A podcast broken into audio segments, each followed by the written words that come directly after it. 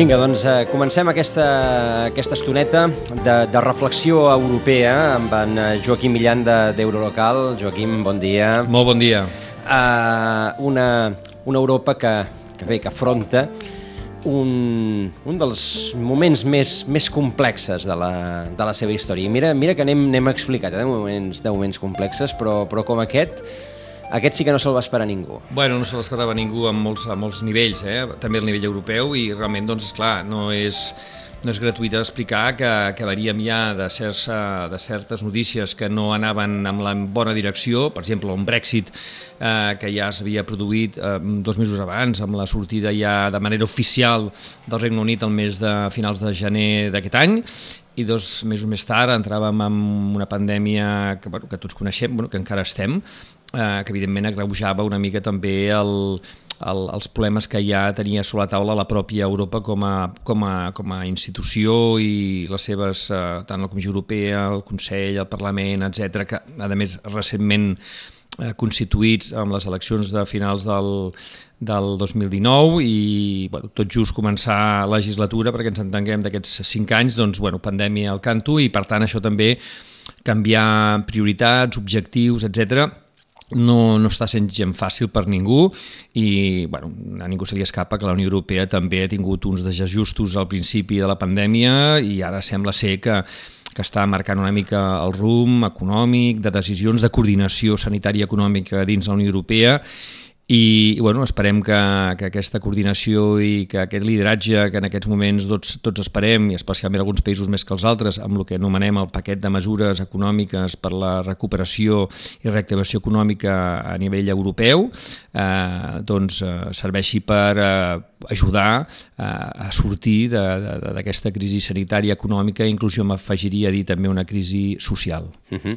Doncs eh, em sembla que ja eh, tenim eh, a l'altre costat del, del fil telefònic a, eh, a un dels nostres tertulians, doncs, que de tant en tant anem, eh, anem saludant eh, el dissenyador industrial i expert en comunicació i sostenibilitat, Oriol Lázaro. Oriol, bon dia. Bon dia, què tal? Um, bé, uh, ara comentàvem amb en, amb en Joaquim, que també uh, et saluda. Hola, què tal, Oriol? Bon dia. Bon dia. Uh, comentàvem amb en Joaquim que, que probablement Europa està mm, davant d'una de les situacions més crítiques de la, de la seva història i, a més a més, absolutament imprevista. Totalment. És un repte majúscul. Ja, ja portem una dècada que anem uh, afrontant uh, crisis una rere l'altra i, i cada cop més grosses i a més a més eh, el que van arribar a batejar com una multicrisi que ara ja ha quedat superada aquesta expressió. Per tant, -huh. sí, és un moment important, jo diria que històric. Uh, a veure, comencem pel final, Oriol. Ens en sortirem? Home, això segur. Això segur, d'una manera o d'una altra, però ens n'hem d'en sortir sí o sí. Entre tots ho farem. No, eh, eh, ho he dit, ho he dit en, en primera persona, però em, em referia més, a, més aviat a Europa. És a dir, eh, Europa eh, tindrà capacitat per sobreviure eh, a això, el, el, el que li toca, perquè clar, és que Bé, fa, eh, fa sis mesos parlàvem del Brexit, digues, digues.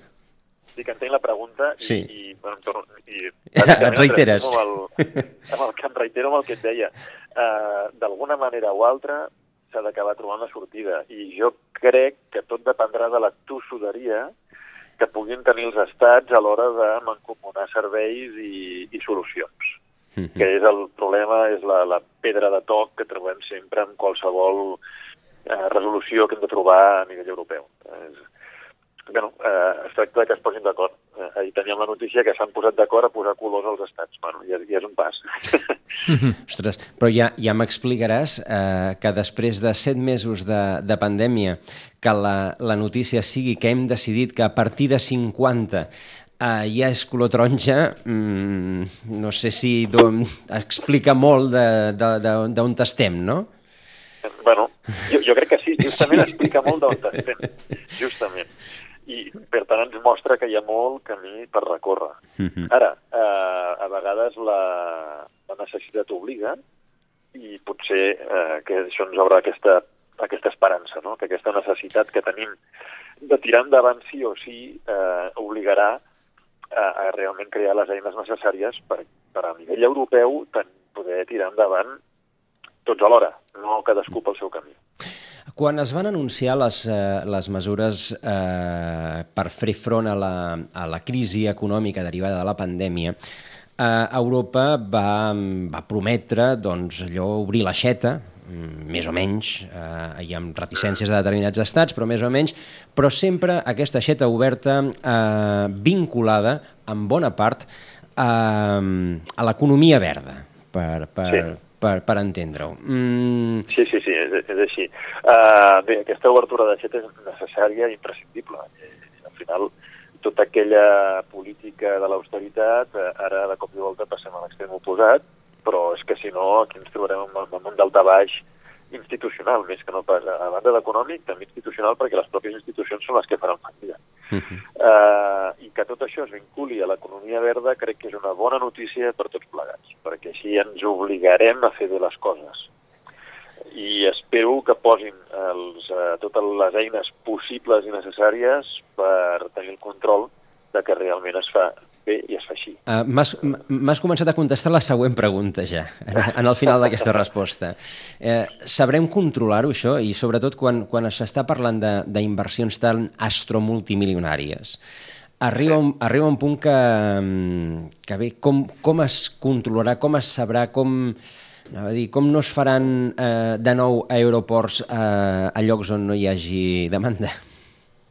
Bé, eh, de fet, si, si Europa aplica a, a, als estats les mateixes mesures d'auditoria que aplica als fons europeus que, que, que ja fa anys que funcionen, com per exemple el LIFE, eh, ja et garanteixo jo que hi haurà un bon control. Perquè qualsevol entitat que hagi tirat endavant un projecte LIFE sap que ha de presentar totes les justificacions i que té una auditoria exhaustiva de tota la, de tot el procés i de com ha utilitzat els diners. Per -hmm. tant, si hi ha voluntat, es pot tenir control. Ara bé, què ha passat fins ara? Doncs que molts estats, molts, la majoria, eh, eh, són molt celosos de la seva pròpia sobirania i, per tant, escolta'm, eh, no vinguis a casa meva a, a dir-me com he de fer les coses. Tu dona'm el tros de pastís que em toca i ja m'organitzo. Si això ho aconseguim superar, que sembla ser que, que en part ja s'ha insinuat, doncs aleshores sí, hi haurà un bon control. I dic que en part s'ha insinuat, vull dir que eh, aquests diners que diuen que deixaran anar eh, aniran subjectes a projectes que es presentin i que uh -huh. són projectes que ja hauran de complir eh, amb uns certs requisits. Per tant, ja d'entrada, diguem que no és una xeta oberta perquè sí, sinó és eh, sobre, una, sobre un bon projecte que sustenti una bona inversió. Uh, doncs aleshores, si ens, ens atencem més cap a casa nostra, estem preparats per oferir projectes que, i parlo de Catalunya, uh, sí. doncs que puguin ser uh, atractius uh, o viables uh, per captar aquesta inversió europea? Mira, aquí eh, té, té diverses arestes aquesta resposta. Una és, eh, si deixem de jugar al politiqueo i ens posem a treballar seriosament, tenim, tenim prou recursos a casa nostra per tirar-ho endavant. L'altre és, eh, fem, perquè no fem eh, més partenariats o que en diuen públic-privat, eh, de cara a, a aprofitar tot aquest coneixement que ja té el sector privat en aprofitament de recursos europeus i sumem esforços amb el sector públic i, i aconseguim projectes interessants. Ja hi ha veus que diuen que tots els eh, diners, eh, recursos econòmics que, que, la, que la Unió Europea ha previst destinar a l'estat espanyol, eh, doncs que l'estat espanyol no té la capacitat de presentar prou projectes eh, que, que, que s'adecuïn a, aquest, a aquests fons destinats. No? I, per tant, ja, eh, es pot, sí, però caldrà molta voluntat i, i moltes ganes. Uh -huh. jo, jo afegiria aquí, Oriol, en les teves uh, dos primeres eh, propostes que és eh, deixar el politiqueo i anar per feina per aquesta vegada, o sigui, utilitzar criteris tècnics i no criteris polítics de tu me das, jo te doy. I el segon sí. lloc, tu deies, el partenariat tant públic com privat, que en molts programes europeus ja s'està utilitzant, però que quan els fons arriben a segons quines institucions eh, estatals, per exemple, els hi costa més, jo afegiria el principi de subsidiarietat, és a dir, hi ha fons, com que Espanya com a estat amb tots aquests diners no tindrà capacitat, ni hi haurà gent, ni les consultores, ni, ni equips preparats per poder presentar projectes atractius suficientment tècnicament ben preparats per captar aquests fons, jo penso que també entraríem en un principi molt europeu de tota la vida, que és el principi de subsidiarietat, que és a dir, bueno, mm, part d'aquests fons deleguem-los a, comunitats autònomes e inclús et diria en alguns municipis importants o consorcis de municipis que a més a més són els que al final estan al territori i tenen ciutadania i coneixen més les necessitats, inclús el teixit, eh, diguem-ne, de les petites i mitjanes empreses que, bueno, sabem tots que poder, a diferència d'altres estats, aquí vivim molt de la petita mitjana empresa que al final és territorial, doncs eh, aquí jo crec que seria molt bona la col·laboració, eh, diguéssim, eh, entre, entre diversos eh, governs de diversos nivells d'administració i per tant jo penso que aplicar el principi de subsidiarietat, cosa que als estats els hi, no els hi agrada massa perquè perden el control d'on aniran els diners, com si controlar els diners ens solucionaran les coses, no? Jo penso que això també seria una tercera via, no? No, no, és imprescindible aquesta via. I, i aquí el que hauria d'aconseguir-se és que algú eh, s'assegurés que això es garanteix, no? que aquest principi de subsidiarietat es compleix. Eh, el problema, Joaquim, ens ho paguem sempre amb el mateix. I tu i jo hem coincidit sempre, que és que els estats, eh, tot el que sigui cedir, els hi costa molt, molt, molt, molt. I cedir cap a dalt i cedir cap a baix, eh? això també s'ha de sí, dir. Sí, sí, eh? exacte en totes direccions. Ah, exacte. Però bueno, ara la, la Comissió Europea, eh, la presidenta Ursula von der Leyen al capdavant, està molt ferma en què s'han d'assolir objectius concrets tant d'economia verda, que per això eh, enllaça molt bé amb el que, amb el que plantejàveu, eh? eh, que aquesta economia, o sigui, aquesta inversió ha d'anar dirigida a l'economia verda, han posat objectius molt eh, ambiciosos i el Parlament Europeu encara els ha elevat més i, i això els obligarà a actuar sí o sí. Això és el que eh, obre l'esperança. Aquesta, una d'aquestes ambicions és la reducció d'emissions. Reducció d'emissions que, que ja la comissió va dir del 55% per l'any 2030 i el Parlament mm, ho eleva al 60%. Mm un text que ja es va aprovar aquesta setmana passada. Per tant, ah, és, eh, és molt ambiciós. És molt ambiciós. Eh, no té un punt utòpic voler baixar tant en, en 10 anys i més amb el que està caient ara, que haurem de reflotar-ho tot? Sí, sí que ho té, sí que ho té, però també crec que forma part de les negociacions, no? de dir, escolta, jo dic el 55, llavors l'altre exigeix el 60 per veure si, si aconseguim el 50. allò de, pel camí anirem negociant pròrrogues i, i allò, terminis més llargs per segons quins estats que encara tenen molt camí per recórrer, perquè clar, aquí pensem que estem dient una xifra global per tota la Unió Europea, un 60%, però tenim estats que ja estan molt més propers perquè han fet molta feina, com per exemple Alemanya, que ha apostat molt fort per les renovables, uh -huh. i en canvi hi ha països que estan molt lluny perquè el seu sistema energètic depèn encara del carbó com per exemple Polònia. Per tant, entre, entre uns i altres, arribar al 60%, bueno, aquí haurem de veure què se li exigeix a Polònia i, i fins on pot arribar a Alemanya i entre tots a veure quin equilibri aconseguim. Uh -huh. um, ahir una, una multinacional nord-americana, no cal dir el nom, va presentar uns models, no cal dir el nom, però van també eh, anunciar que al 2030 l'activitat d'aquesta mateixa multinacional o la fabricació dels telèfons d'aquesta multinacional no tindria petjada de carboni. És a dir, emissions zero. Això és possible fer-ho en una multinacional nord-americana i no és possible fer-ho a nivell europeu?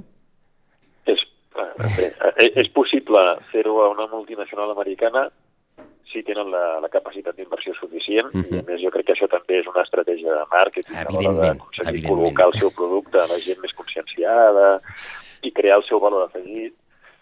És possible, sí, però també s'ha de tenir en compte com aplicaran aquesta empremta zero. Doncs, eh, a veure, el transport segur que deixa empremta de carboni, per tant, igual el que faran, que hi ha, hi ha, hi ha empreses que ho fan, és no, jo inverteixo eh, per exemple, reforestació, i, i per tant aquesta reforestació que teòricament absorbeix eh, tantes tones de CO2, les aplico com a reducció de les que realment estic emetent.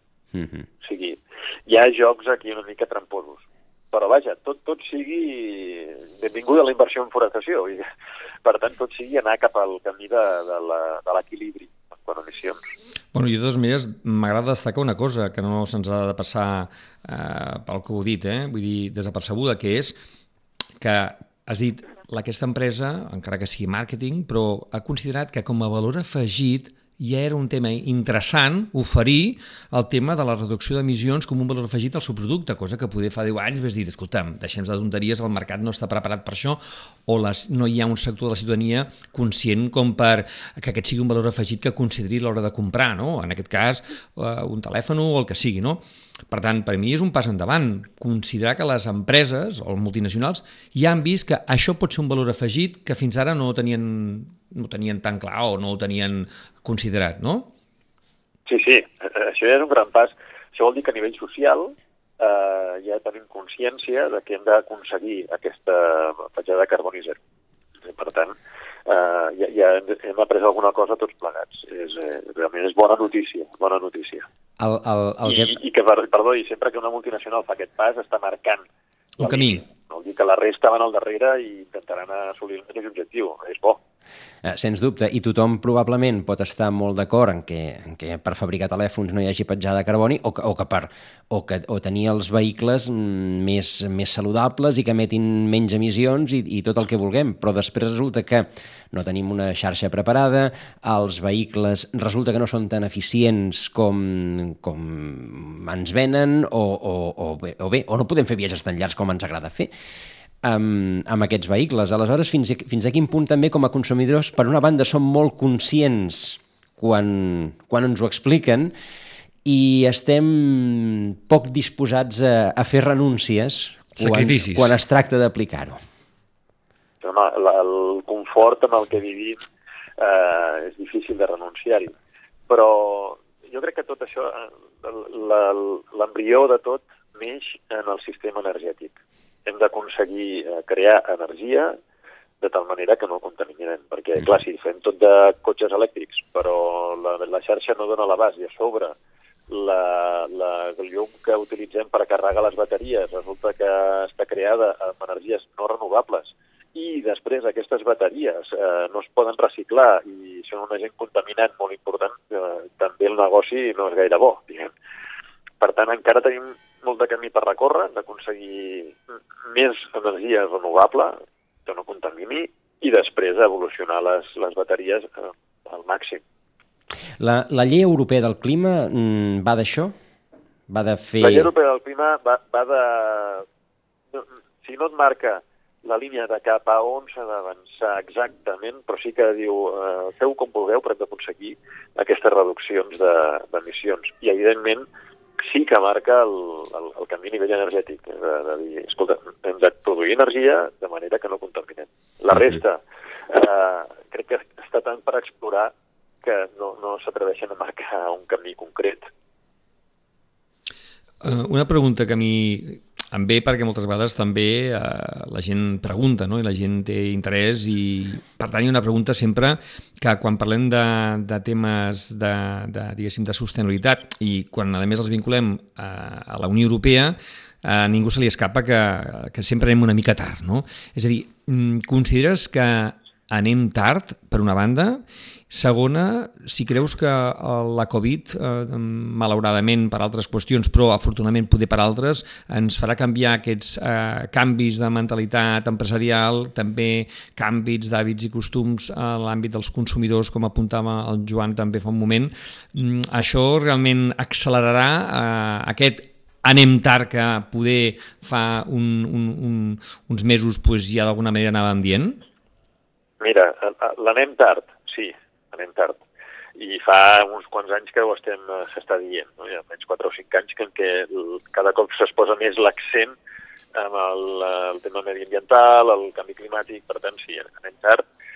També et diré, a més a més, Europa és lenta, és molt lenta, però és com un transatlàntic. Un cop engegat, doncs ja va agafant velocitat de creuer. I després tenim aquest actor, eh, que és el Covid, que està aconseguint coses que no havia aconseguit, que, que ningú podia aconseguir. O sigui, l'alcaldessa la, de Barcelona volia reduir les emissions a, a la ciutat comtal i a començar a posar mesures que no acabaven de funcionar i havíem rebut sancions europees perquè érem una ciutat massa contaminada i el Covid ens ha fet parar tots de cop i resulta que han baixat els nivells de contaminació a la ciutat. Per tant, eh, aquest actor, el Covid, ens està, ens està accelerant els processos i tant. Gràcies. Amb aquesta, per aquesta vessant, eh, mira, eh, és allò que no hi mal que por bien no venga, doncs eh, està ajudant a assolir reptes sí. i accelerar eh, el camí. Això no, està clar. És, és evident que és un mal negoci eh? no, no, anar, sí. no, no agafar el transport per, per culpa d'una pandèmia, però fins a quin punt eh, això que, que hem aconseguit ara eh, es podrà mantenir en el futur quan ja no hi hagi la, la situació sanitària, l'emergència sanitària actual? Suposo que tot dependrà de la capacitat d'adaptació a aquesta, entre cometes, nova normalitat que, que ens, estem, ens toca viure. Si aquesta nova normalitat ens està bé i el teletreball realment queda molt més eh, afincat que no pas abans, perquè els mitjans ja els teníem. El que mm. passa que la cultura de tenir una seu i de trobar-se tothom i de controlar a veure que tothom hagi arribat a l'hora, encara estava molt, molt estesa i molt imposada. El Covid ens està fent canviar aquests costums, a veure si, si realment eh, això queda ja fixat, eh, uh -huh. doncs, bueno, eh, haurà estat un pas endavant molt més ràpid. De fet, vaig veure una, un estudi que deia que la, la digitalització eh, l'últim, eh, dins del 2020 s'ha accelerat l'equivalent a 7 anys, o sigui que hauríem avançat en 7 anys o hem avançat amb aquests mesos de pandèmia. Uh -huh. En Vaja, digitalització. Com, com allò que diuen que passa amb les guerres, que, que la indústria i la ciència avança molt ràpid, doncs com si, com si estéssim amb això, oi? Sí, doncs, fins i tot eh, en tertúlies així més informals eh, hi ha gent que ho diu, no? que és, això és com una guerra, estem en estat de guerra. Mm -hmm. eh? doncs... No arribem a l'extrem, però sí, déu nhi una, una, una qüestió, Oriol. Uh, la... Què és l'estratègia forestal europea? Bé, l'estratègia forestal europea ja, ja es va començar a treballar, eh, mira què dic, eh, l'any 2014, allò que dèiem de, de que és lenta Europa, és lenta, uh -huh. 2014 ja es va començar a fer eh, alguns informes previs i, i fins i tot eh, marcant unes línies bastant clares, però, però tot just ara encara s'estan aprovant text, textos nous i, i just aquesta setmana passada es va, es va aprovar un nou text de, en el Parlament Europeu amb molta majoria, que això és bo per tots nosaltres perquè vol dir que, que si té molta majoria vol dir que totes les famílies polítiques o partits polítics europeus hi donen suport i per tant té molts, moltes probabilitats de tirar endavant. I hi havia un parell de punts molt importants, crec, per casa nostra, que fins ara no s'havien contemplat. I un és que la gestió dels boscos, eh, un, es, es considera que s'ha d'ajudar als propietaris forestals, fins i tot a nivell econòmic, a poder tenir una bona gestió, cosa que fins ara eh, els, els propietaris forestals d'aquí a casa nostra eh, no els hi sortia el negoci, diguem, mhm. -huh. perquè els hi surt més car netejar el bosc que deixar-lo brut. I l'altra, eh, que es contempla també aquesta gestió, aquesta bona gestió, com una eina contra els incendis forestals. Jo crec que, eh, bé, per, per l'experiència que, que tenim, perquè vaig estar treballant amb, amb l'eurodiputat Francesc Gambús, que ell va ser el qui va agafar el, el text, l'informe el 2014, i van anar-lo a visitar, per exemple, els finlandesos en seguida, perquè tenen una gran indústria de la fusta, però eh, el, el que hem vist és l'evolució. En aquella època, quan els finlandesos anaven a reunir-se amb els eurodiputats, no entenien que un bosc es pogués cremar, perquè ells no se'ls cremava mai un bosc. De Pirineus en amunt no, hi, no existien els incendis forestals. En canvi, portem dos estius molt secs i calorosos on se'ls han cremat boscos. No els finlandesos, però sí els alemanys, per exemple. I per tant han entès que això dels incendis forestals sí que existeix i que s'han de prendre mesures i ho han inclòs. Això està inclòs i a més està molt, molt reforçat a nivell parlamentari perquè té molts vots a favor. Per tant, ho veig com una, un pas endavant molt important i que el sector de la fusta d'aquí a Catalunya jo crec que han d'estar contents almenys per aquest petit pas endavant. El, el pas segur que és un, un pas positiu, però també denota una, una qüestió que com a mínim ens, ens pot preocupar. Fins que no els hi passa a ells, això no existeix. Clar, Sí, sí, en aquests, mira, i, i això, la, el tema forestal és, és un exemple, però en tenim d'altres, eh? perquè en la pesca és un altre tema també que es nota, que hi ha diferència de tracte. Eh, les lleis estan pensades a l'engròs, a la pesca a l'Atlàntic, i en canvi eh, pel Mediterrani les normes no s'adequen. I amb el, amb el tema dels boscos passava el mateix. Eh, per exemple, ells no contemplen que els animals pasturen en un bosc. Per què? Perquè de Pirineus en amunt doncs, o, o fan pastura o fan, o fan explotació de la fusta. En canvi aquí, a casa nostra, hem, estem farts de veure bestiar que està pasturant per sota de, dels, dels arbres, uh -huh. entremig del bosc. Doncs tot això són petites passes que ells van eh, incorporant, ells em refereixo a, als nòrdics sobretot, van veient que s'han d'anar adequant. I, I tant de bo aquests texts que es va aprovar ahir al Parlament Europeu, eh, no, perdó, el dia 8, eh, prosperi, perquè això voldrà dir que a casa nostra eh, els propietaris forestals tindran eh, com a mínim un, un camí per, a, per acollir-se a ajudes eh, econòmiques i també a suport tècnic i, eh, i això serà una eina de cara a protegir-nos tant dels incendis com també dels desastres en quant inundacions eh, i desastres naturals, vaja. Perquè el, el, el tenir un bosc sa protegeix a la resta de, de fauna també. Uh mhm. -huh. Doncs eh, aquesta sortida verda de la, de la crisi actual que, que ha plantejat Europa que, que gairebé doncs, es planteja com una, com una oportunitat. No? De, les, de les grans crisis eh, n'hem de treure, per una banda, l'experiència i, per una altra banda, doncs, una certa visió de futur. I tant, i una, una dada que, que molt, molt poca gent té, té present. A Catalunya, el, més del 60% de la superfície és, és bosc, és forestal. Mm -hmm. Sí, sí. Una... que és molta superfície, això. És a dir, que una, una estratègia, una llei eh, europea eh, forestal eh, tindria una afectació important en el nostre país. Sí, molt important i, a més, necessària, eh, necessària, perquè uh -huh. el, el sector forestal està preocupat i ho he viscut en primera persona ja fa anys que intenten aconseguir d'alguna manera poder gestionar les seves propietats, perquè al final algun del gran problema que té Catalunya també, problema entre cometes, eh, no hauria de ser-ho. Els boscos són molt eh, de propietat particular, per tant, uh -huh. els recursos que tenen mm, no, no són suficients com per poder gestionar adequadament el bosc.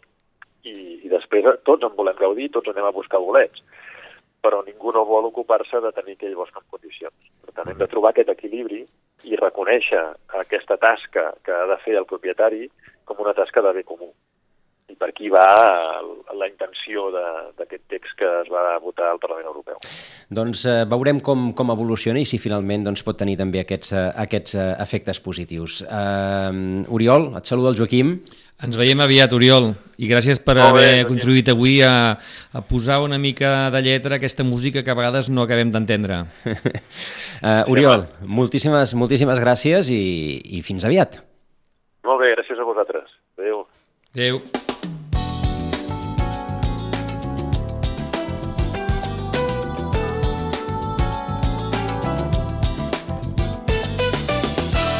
Doncs amb Oriol Lázaro, com comentàvem, l'hem tingut eh, d'altres vegades. Fins i tot em sembla recordar que, que el vam tenir aquella vegada que havíem de fer la connexió amb el Parlament Europeu. Correcte, correcte. Amb en Joaquim i que, i que bé, que va arribar tard al vol i que va arribar tot tard i aleshores bé, vam tenir, vam tenir l'Oriol fent-nos una miqueta de, de partener des, de, des del Parlament. Um, I explicant això, aquesta, aquesta um, estratègia, aquesta sortida cap a, cap a projectes verds, projectes relacionats amb uh, la lluita contra el canvi climàtic per lluitar precisament contra la pandèmia. És a dir, com, com diria aquell, matar dos ocells d'un tret, no, Joaquim? Totalment, vull dir, jo crec que estem en aquests moments de que o aprofitem malauradament el que està passant, que ja és prou greu, però per poder reemprendre el que ja d'alguna manera anàvem, com deia l'Oriol, anàvem tard, i poder sortir una mica airosos eh, i bueno, sortir-ne, que, no, que és el primer, no? i si sortim airosos encara eh, tindrem sort. No? Per tant, jo crec que hem de posar tot la, tota l'energia a tots els nivells administratius, polítics, institucionals i, evidentment, els altres sectors, l'econòmic i el social, que en aquests moments són els que estan aquí també interessats i posant-ho tot per intentar doncs, sortir el més aviat possible, eh, malgrat les circumstàncies que ja veiem que això no anirà tan ràpid com ens esperàvem, però ens hem de sortir sí o sí, com deia l'Oriol. Una de les qüestions de la, de, de la pandèmia és que gairebé no parlem del Brexit, dels refugiats, no? No, no, no, no I, i, i, i, i subsisteixen aquests problemes o aquestes situacions, Home, no? El, dir la, que... la, la qüestió del Brexit, ara... Per exemple, no? I, eh, si clar... tinguéssim a, a, a, ara mateix el senyor Balada, eh, clar, ho comentaríem, perquè, clar, eh, surt l'altre dia Boris Johnson dient que, que bueno, que...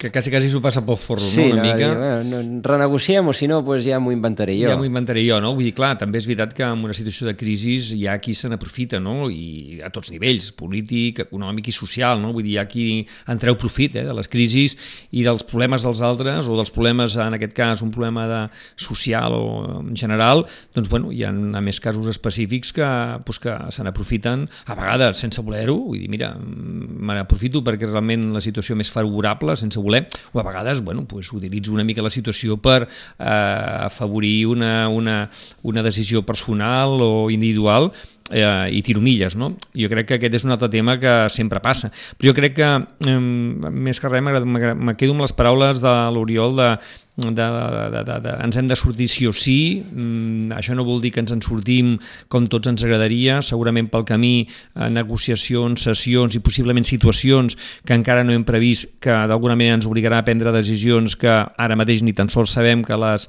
que les haurem de prendre, però que ens hem de sortir sí o sí, no hi ha un altre. Jo crec que amb aquest tema ens hauríem d'intentar quedar eh, perquè és l'única manera de, de tirar endavant i de ser conscients de que ens en sortirem tots i totes si treballem junts en una mateixa direcció.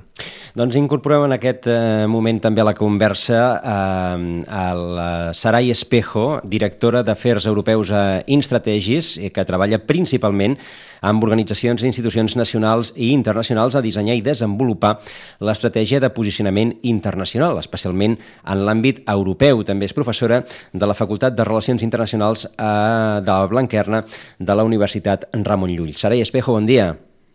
Hola, bon dia. Um, bé, com uh, és el tema, uh, comentem, comentem amb, amb, tot, amb totes les persones amb les que ens posem en comunicació en aquesta, en aquesta hora d'Europa, doncs això, com ens en sortim, com ens en sortirem d'aquesta que ens està caient? Bé, és la pregunta del milió, segurament. Per això jo, la fem, per això la fem. Eh, jo crec que per, si per alguna cosa ens ha servit les darreres crisis que ha patit el projecte europeu i especialment doncs, la darrera crisi econòmica i financera, va ser que les institucions europees i els estats membres van aprendre que amb, un, amb una unió com la que tenim, amb un mercat únic, eh, amb llibertat de moviment eh, de persones i de béns, és molt difícil sortir d'una crisi financera si no ho fan tots els països alhora. És a dir, el que no podem permetre'ns com a projecte europeu, perquè tampoc té, perquè tampoc té beneficis, diguem, econòmics tampoc, és que uns països se n'en surtin i altres no. I jo crec que, per tant, davant d'aquesta nova, davant d'aquesta nova crisi que ens ve a conseqüència de la pandèmia de la Covid, doncs crec que ha sigut el moment en què la Comissió Europea i, la, i el Consell Europeu doncs, han dit eh, anem a intentar-nos dotar-nos de mecanismes comuns que ens permetin sortir la millor forma possible, la forma més ràpida i més forts eh, possible. I aquí és on estem debatent com, quins seran aquests mecanismes i instruments per fer-ho. Exacte, però si, no, si quan no hi havia la pandèmia i la, la dificultat era posar-se d'acord en, en coses mm. que gairebé eren més simples, i fa un momentet mm. parlàvem amb, amb Oriol Lázaro sobre que ahir es van posar d'acord amb, amb els colors d'un semàfor. Uh, clar, si hem de posar-nos d'acord sobre com en sortirem d'aquesta, uh, gairebé amb l'experiència passada com, com un pot ser bastant escèptic, no? Sí, el que passa que jo crec que lamentablement el projecte europeu moltes vegades avança a passes eh, grans i impulsats per moviments de crisi molt profuns. I jo ho veig com una, com una oportunitat en aquest cas. No? Jo crec que, per exemple, eh, molt recentment, doncs, bueno, i encara ho estem patint, no? les conseqüències de la sortida del Regne Unit de, de la Unió Europea amb el Brexit, i jo crec que això va crear una cohesió interna a altres països de la Unió que fins a aquell moment no la teníem, doncs crec que els nous mecanismes eh, podran servir doncs, per eh, trobar espais de comuns de, de, de solució. Evidentment, després tots sabem doncs, que cada estat membre té les seves particularitats, les seves necessitats i les seves pròpies batalles internes polítiques a casa seva i, per tant, utilitzen l'espai europeu també per, per fer-ne eh, per fer batalla. Però jo crec que en aquest cas com a mínim la gran majoria dels estats membres i, i les institucions comunitàries, tant el Consell com ai, tant el, la, la Comissió com el Parlament, doncs estan posant ara els mecanismes doncs, per fer-ho d'una forma coordinada i comuna. Quan els, quan els ciutadans sentim parlar d'aquests plans de reactivació econòmica, mm. amb aquests tants mils de milions d'euros que, mm. que, que cauran gairebé eh, quan mm. obrin l'aixeta, o els tiraran amb helicòpter, vés a saber, Uh, clar, um, aquests diners d'on surten, com surten, com es vehiculen, com es controlen, què, què passarà tot això o, o, o al final un acaba sospitant que, que són anuncis més basats en no dir, el màrqueting o la, o la idea de la, la percepció de, bueno, ja ho arreglarem que no que, que la realitat. A veure, on hi ha la realitat i on hi ha la, anava a dir, el, la pastanaga? La, sí, la realitat la sabrem en una setmana com, com segurament sabeu, doncs ara mateix el, el que és el famós pla de reconstrucció, el New Generation EU, està en negociació entre la proposta que va fer la Comissió Europea, eh, que va fer el Consell Europeu el juliol, la, la Comissió Europea també, i ara està en mans del Parlament Europeu. Com sabeu, doncs, són aquestes tres institucions que han d'arribar a un acord. Eh, com tu dius, és una quantitat eh, molt, molt gran de diners, són 750.000 milions d'euros, que jo quan ho veig escrit i veig tants zeros ja no sé què significa, però hi ha, una, hi ha aquesta quantitat de diners que és eh, s'aconseguirà per un programa, diguem, d'endeutament comú. L'objectiu i la la gran innovació i diferència i, i d'aquest nou programa és que són tots els països de la Unió Europea que s'endeuten conjuntament. Per què? Per evitar el que segurament a tots ens sona de fa alguns anys que vam patir, que era allò de la, de la prima de risc, no? que cada estat havia d'anar als mercats per finançar-se i aleshores, en el cas, per exemple, espanyol, el que era la famosa prima de risc es va posar a uns nivells altíssims, en el qual l'estat espanyol li costava molt finançar-se en els mercats internacionals. Què hem fet aquesta vegada? Que el programa d'endeutament no és de cada estat membre, sinó que és de la Unió Europea, que té el que es diu en, el, en, el, en la jerga, diguem, internacional, és el, el AAA, el rating AAA, que vol dir que es pot endeutar a un preu molt, molt barat perquè es considera que és una institució que mai quebrarà, amb la qual qui l'estigui finançat sap que sempre cobrarà. Això ha permès que es dissenyi un sistema que permeti arribar a aquests 150.000 milions d'euros dels quals en el, en el cas d'Espanya de, es calcula que mitjançant transferències i préstecs, en el cas de les transferències, arribarien en els propers anys uns 24.000 milions d'euros. Com arribaran aquests, uh, aquests diners? I aquesta és la pregunta que tu feies correcte, i la pregunta correcte, correcte. Eh, la idea és que la negociació, com us deia, acabi en breu, acabi abans del mes de desembre, eh, perquè així el 1 de gener del 2021 es posi en marxa aquest nou mecanisme, el Pla de, re, de Recuperació. I, per tant, a partir de l'1 de febrer del 2021 comencin a arribar els diners. Eh, quins projectes es financen amb aquests diners? Cada estat membre ha de presentar el que se li diu un pla nacional. La Comissió Europea ja ha presentat la seva guia de com s'han de presentar aquests plans nacionals i, per tant, tu vas amb el teu llistat de projectes i diu jo vull fer eh, aquest projecte, aquest projecte, aquest projecte i vull que vostè me'l financi. Eh, a partir d'ara, els països membres poden enviar eh, els, les, els seus esborranys de projecte, que seran, diguem, operatius a partir de l'1 de, de gener. Uh -huh. El que és diferencial d'aquest pro programa en relació als anteriors és que tu no pots demanar diners per qualsevol cosa, sinó que has de complir les prioritats que les institucions europees, en aquest cas la Comissió Europea, s'ha marcat dins d'aquest programa. És a dir, hauran de ser programes doncs, que serveixin doncs, per, per eh, ser una transformació ecològica al, al continent, la necessària transformació digital, construir l'Europa dels drets, l'Europa social, etc. I, I, per tant, doncs, han de ser programes que tinguin eh, un cert sentit en la lògica de les prioritats eh, europees. Per tant, eh, estem parlant de subvencions finalistes, gairebé? Bueno, són, es, es financien projectes. Doncs el que, uh -huh. el que s'està veient ara mateix, la negociació encara està funcionant, ara mateix la negociació està anant a molts nivells, estan anant precisament en com es gastaran aquests diners, com els finançarem, quina serà la quantitat exacta de diners que aniran a cada país, i després uns altres elements, com per exemple qui tindrà el control democràtic sobre aquests diners. És a dir, qui serà el que donarà la, el, llum ver, el llum verd per dir aquest projecte si el financem o no.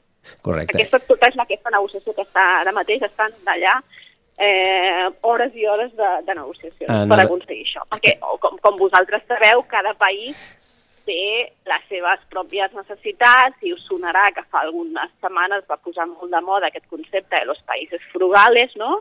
que jo m'agrada dir els supertacaños, que són aquests doncs, que consideren que nosaltres aquí al sud només fem que gastar i gastar i que no, no volen gastar diners, diguem-ne. Però, eh, En, en qualsevol cas, és, eh, és molt evident que, que el, qui, qui tindrà la clau de la caixa mm, aquí és qui, és qui decidirà. I si, si estem parlant de tants diners, home, aquesta clau deu tenir molts, molts padrins. Bueno, eh, s'ha de fer el pla de, aquest pla espanyol que s'enviarà. En aquest sentit, la Generalitat ha creat una ha creat com un comitè assessor que serà el Catalunya eh, Next Generation EU, que serà el que definirà una mica quin creu que han de ser els projectes que a Catalunya eh, puguin aconseguir aquest, aquest tema de finançament. Jo el que crec és que el que és important és que tant el sector privat, però també especialment el sector públic, les administracions eh, locals, eh, especialment, eh, comencin a definir projectes transformadors de ciutat, d'àrea metropolitana, etc., que puguin ser subvencionables per aquests i després la idea és que hi hagi partenariats, és a dir, molts socis diferents que siguin els que executin aquests projectes. Mhm. Però l'important és pensar bé quins projectes són els, els que volem que serveixin per transformar l'Europa que tenim, no? perquè jo crec que si una cosa ha, ha deixat en evidència la pandèmia és que hi ha eh, moltes mancances que s'han de solucionar, hi ha gent que automàticament queda abandonada en el cas d'una pandèmia, jo crec que hi ha sectors socials que evidentment són els que ens estan fent funcionar, que són segurament els menys pagats, les persones menys retribuïdes, i el problema amb l'assistència als infants, etc. I aquest, que aquesta és una oportunitat per transformar i convertir-nos en una societat que sigui més igualitària i amb el respecte dels drets de tothom. Us saluda en Joaquim Millan. Hola, Sarai, bon dia, com estàs? Hola, com estàs, Quim? Bueno, en primer lloc agrair-te que, que puguis estar amb nosaltres perquè realment eh, s'ha de clarificar i jo crec que s'ha de fer molta pedagogia també perquè la gent ho entengui perquè si no és com deia el Joan al principi sembla que aquests diners han de vindre no se sap pas- no se sap fer què i que dona la sensació que es aniran perdent i no s'aprofitaran. Jo crec que hi ha dues o tres coses que has dit que m'agradaria ressaltar perquè penso que són importants. Una has parlat de, del partenariat eh, entre administracions públiques amb allò que diem la governança multinivell però també públic-privat. Jo penso que també els estats han de començar a fer allò que, que la, els consultors i, i, i tu que estàs en una consultoria eh, quan feu un programa i per, per, un projecte que va amb un programa europeu esteu cansats de, de, de, de fer que és buscar eh, els socis els socis principals, els líders els socis inclús observadors transnacionalitat, buscar també eh, eh, socis de l'administració pública i socis de l'àmbit privat inclús socis de l'àmbit social. Jo crec que aquí els estats no sé si tindran l'agilitat suficient com per fer això que poder a altres nivells eh, es resulta a priori una miqueta més fàcil. Per tant, jo penso que el, assenyalar per això per mi és fonamental i assenyales dues coses més que m'agradaria que també eh, diguessis alguna coseta més en detall, que és la de... Mm, jo crec que ha arribat un moment eh, amb alguns estats a deixar-nos d'allò que en diem el politiqueo, no? i entrar en dir, bueno, anem a, anem a parlar de, de, de, de, de conceptes més tècnics que poder eh, a vegades eh, eficaços i eficients, que a vegades costa una mica des de les missions públiques, això aviam tu què en penses de si realment han de ser eh, criteris més tècnics que polítics, en, pri, en, pri, en principi, i després has parlat d'una cosa molt interessant, deia els municipis, no?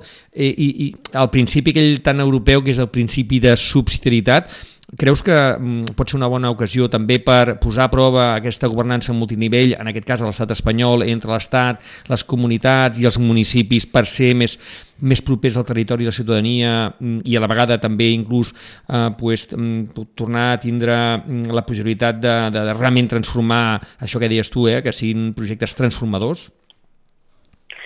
Sí, eh, jo crec que en relació a la primera pregunta que tu fas, jo crec que no és, no és un debat de qüestions tècniques versus qüestions polítiques. Quan la Comissió Europea defineix quines són les seves prioritats per fons, això és una decisió política que fa. I perquè el col·legi de comissaris està creat, com, com tots sabem, doncs hi ha un representant de cada estat membre, que és triat normalment per al govern de, que està en el poder en aquell moment i que, és veritat, ha de passar una audiència pel, pel Parlament Europeu. Però les decisions que venen de la Comissió Europea no són decisions preses així eh, tècniques purament, sinó hi ha una guia, una, una guia política al darrere. No? Però és veritat que en aquest cas eh, s'han definit com tres espais de millora. No? L'ajuda als estats membres i estats membres que podrien entrar en fallida eh, eh, de l'estat, tots els ajuts del programa SURE, no? que són els programes que estan pagant els ERTES, etc imaginem l'impacte que tindria a la Seguretat Social espanyola si aquests diners no estiguessin arribant, per exemple. Eh, després hi ha un altre gran programa d'ajut um, al sector privat i després hi ha una cosa que és molt important, que crec que eh, ha, ha hagut de venir una pandèmia perquè prenc la rellevància que hi ha de tenir, hi ha gent que feia molts anys que dèiem que això no tenia cap sentit, que és que la salut esdevingui una prioritat política per la Unió Europea. Hem de recordar que la, la Unió Europea no té competències en l'àmbit de la salut i, per tant, ara mateix no estava mm, regulant en aquest àmbit. No, no, no, no, no és que tingui ara a partir d'ara competències, això voldria una, això significaria que necessitem una transformació dels tractats, no és això, però que sí s'obre un nou programa de salut eh, de projectes europeus finançats amb aquests diners molt més ampli que, que pretén donar respostes molt més evidents. Jo crec que una cosa posada la pandèmia en evidència és que no té cap sentit que els estats membres competeixin entre ells per comprar vacunes, no té cap sentit que competim per comprar mascaretes i no té cap sentit que en la compra col·lectiva no ho estiguem fent conjuntament. Al final... Eh, per això dic que a vegades les pandèmies són una oportunitat. Al, al final... I, i des... Eh, és, és, és que estem, estem just acabant, tenim 30 segons, Sarai. Ah, perdona. No, no només, només dir-te que, i, i absolutament, jo crec que el principi de societat és vital i jo crec que si una cosa està quedat en evidència és que els primers responsables sempre de la gent són els ens locals i els hem abandonat. Doncs a, a veure si això, a veure si això eh, ho aprofitem i, i ho entenem. Eh, Sara i Espejo, moltíssimes gràcies per aquesta estoneta. A vosaltres, un I Joaquim, fins al mes que ve. Fins al mes que ve. Seguirem parlant d'Europa. Que vagi molt bé i a tots vostès ens acomiadem. Que vagi molt bon dia i fins demà. Cada dia, al matí amb nosaltres.